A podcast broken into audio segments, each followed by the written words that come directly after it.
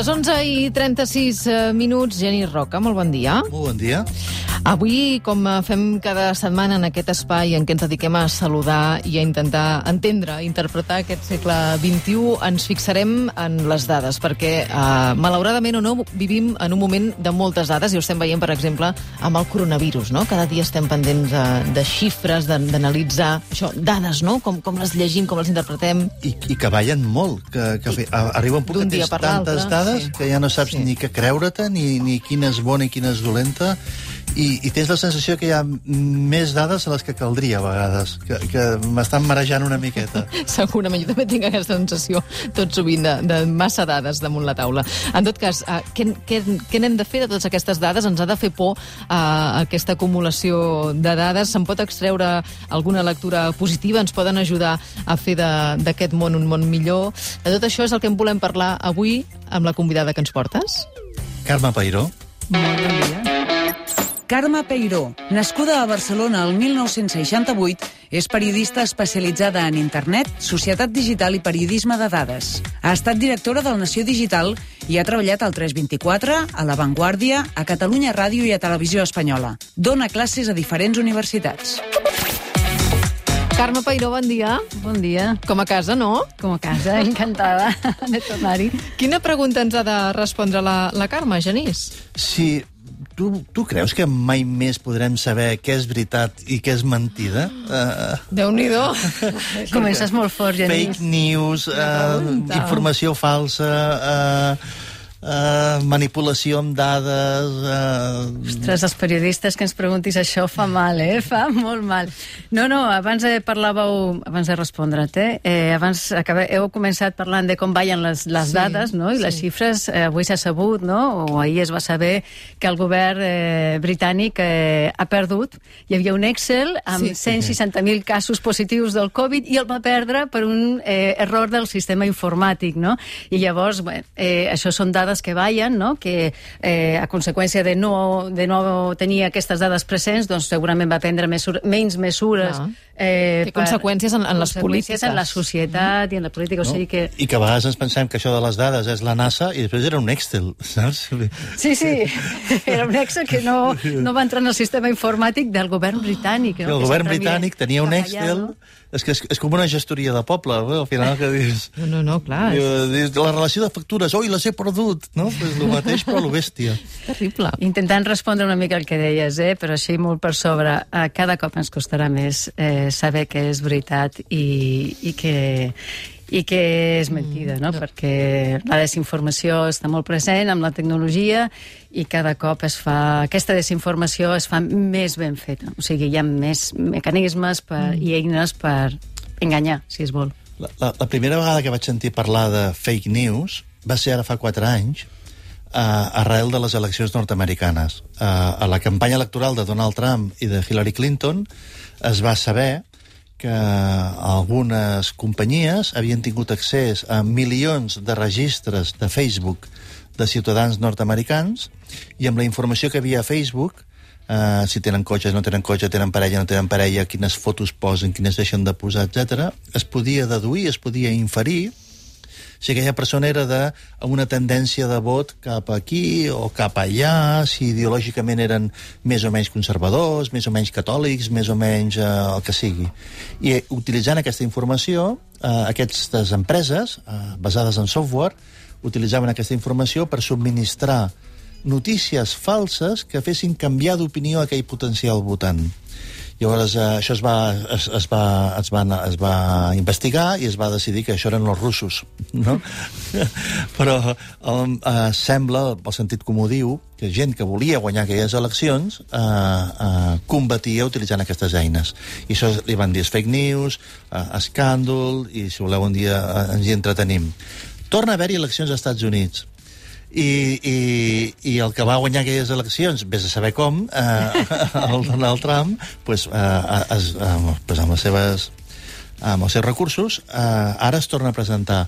Veurem novetats? Eh, senzillament es repetirà això de les fake news, ara no es repetirà perquè està ja molt vigilat, tenen eines noves, eh, com interpretes l'evolució? Has, has fet un resum eh, de context eh, molt bo.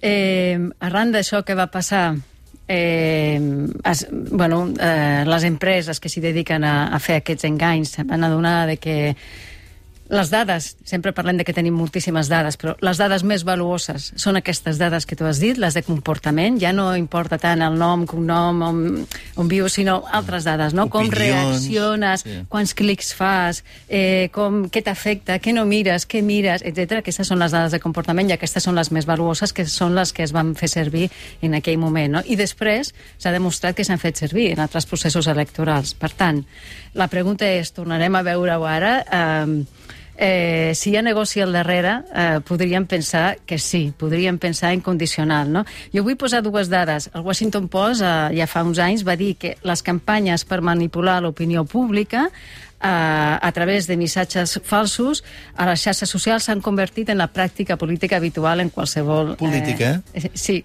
Sí, en qualsevol no- no campanya. només comercial No, no, no, política, clar. Aquests partits polítics contracten mm. a les empreses que s'hi dediquen a fer això.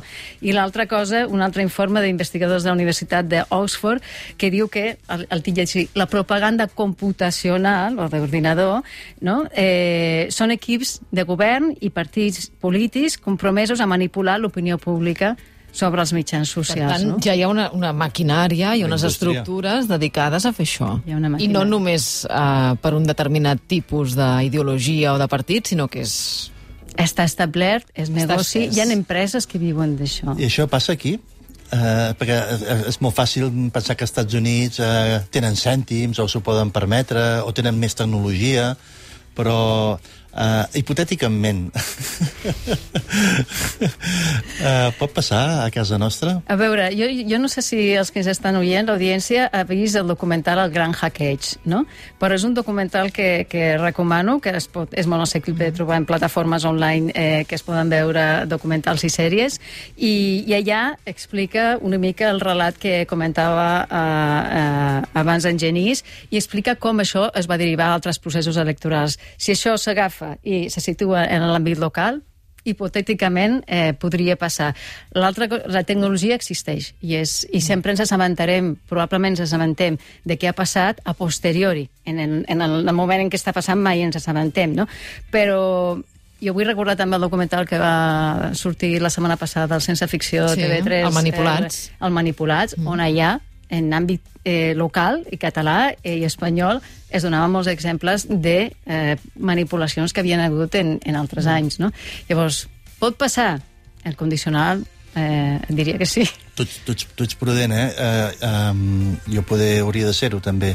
No tinc cap dubte, no tinc cap dubte de que en l'ecosistema català, per no anar més lluny, uh, hi ha robots a Twitter i a Facebook que falsegen la seva identitat i que estan al servei d'una determinada ideologia i tampoc tinc cap dubte que ho estan fent tots els partits i totes les ideologies i de tant en tant surt la notícia en premsa de a Facebook o Twitter o ha esborrat 200, 300, 400 comptes falsos associats a aquest o aquell partit i surten tots els partits a la foto. Mm. -hmm. que- La tecnologia existeix, és un negoci, eh, és el que podríem dir estratègia de comunicació en campanya i a partir d'aquí és el, la ciutadania qui ha de prestar més atenció no? a què rep i com ho rep. No? Per tant, important uh, aquesta, aquest ull crític o aquesta atenció de, dels, uh, de qui rep la informació, no? de, dels espectadors, dels usuaris, vaja, de, de la informació, i també dels que hi treballem, no? Aquest periodisme de dades que tu coneixes uh, també, eh, exactament en què pot ajudar a, a desmuntar o, o a posar no, en relleu aquestes, aquestes exemples de, de fake news que ara estàvem explicant mm. que hi ha? Eh, jo vull destacar eh, certs eh, grups de periodistes que estan fent un esforç eh, enorme. Aquí en àmbit català tenim el- l'equip de verificats, mm -hmm. sense anar més lluny. És gent que, que és in, són periodistes independents, que, que actualment no estan integrats en un mitjà, però que fan la tasca de, de xequejar els fets, no? de, de revisar les, les, les declaracions dels polítics, no? eh, de comprovar que són certes. I perquè això no, no es fa en els mitjans tradicionals o en els, mitj o en els equips de normal, bueno, l'acceleració la, la, de com corren totes aquestes notícies, com es difonen per xarxes, a vegades eh, fa impossible que estiguis eh, al 100% per tot i cal destinar uns equips especials en àmbit internacional, els grans mitjans, New York Times, Guardian, eh, tots els, eh, eh, aquests referents periodístics tenen un equip destinat a fact-checking i, i aquí doncs, eh, s'està fent de manera independent, però fan una gran tasca. No?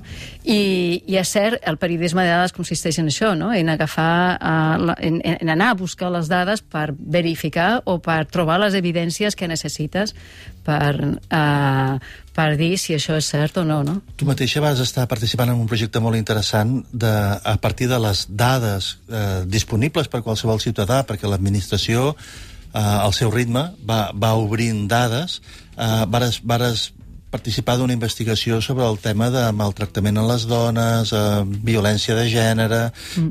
i d'aflorar la informació i si no vaig equivocat amb la informació que vareu eh, aflorar dades eh, i amb la fredor de les dades el, la, les desenes de milers de dones vau, vau donar un altre un altre llum a un fenomen que està en el nostre entorn. No sé què ens pots explicar d'això. És, eh, et refereixes al, al webdoc, al, al reportatge d'investigació que vam fer en Shaquim Beira, que és un periodista també eh, de dades eh, i de narratives visuals, i jo, al desprotegides.cat, que es pot consultar. Eh, en aquesta ocasió el que vam fer és agafar totes les dades públiques eh, que estaven a disposició sobre el tema de violència de gènere aquí a Catalunya per no tractar el tema com ja s'havia tractat, la problemàtica social, sinó eh, donar una xifra no? que fins ara no s'havia tingut en compte i era la quantitat de dones que cada any pateixen eh, maltractament fets molt greus, molt greus a Catalunya, que són 75.000. 75.000 dones, dones cada a Catalunya, any. Cada any. I la dada existia? La dada existia, però estava molt oculta, i és qüestió de, de, de tractar-la, d'agafar totes aquestes dades, de veure on, on hi ha els problemes per accedir a ella, i, i també de posar davant a l'administració pública eh, un, un focus de dir, ei, aquest problema eh, l'has d'atacar eh, fent un millor anàlisi d'aquestes dades que tens tu al davant. Això, això m'interessa molt, perquè um, uh, el tema de les dades, a la majoria de la ciutadania que comença a ser conscient d'aquest tema, uh, en general podríem dir que ens inquieta, no? Vull dir, qui té informació meva, quins usos em fa, quins drets puc tenir, uh, on anirem a parar, uh, batu a l'olla i totes aquestes coses, val? Llavors, en general, estem desenvolupant por i inseguretat davant del tema de les dades. Però a la vegada les dades poden ser una de les eines que tenim com a societat per, per defensar els nostres drets i lluitar contra les injustícies. Vull dir, tu ara mateix acabes de posar un exemple de com eh, fent servir les dades aflores o, o fas mm, encara més evident un, un problema. Eh, Uh, hi ha una, un, un exemple que sempre poso, que és, uh, abans uh, podia haver-hi hagut, fa dècades, eh, si tu vols, un alcalde uh, que si li posaven una multa a la policia o la Guàrdia Urbana a la seva parella, pues, anava i deia, treu-la.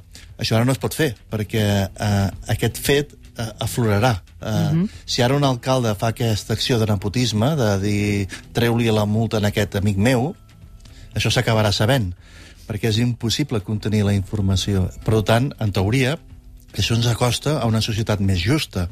Les dades són un element de lluita social? És part de la nostra esperança?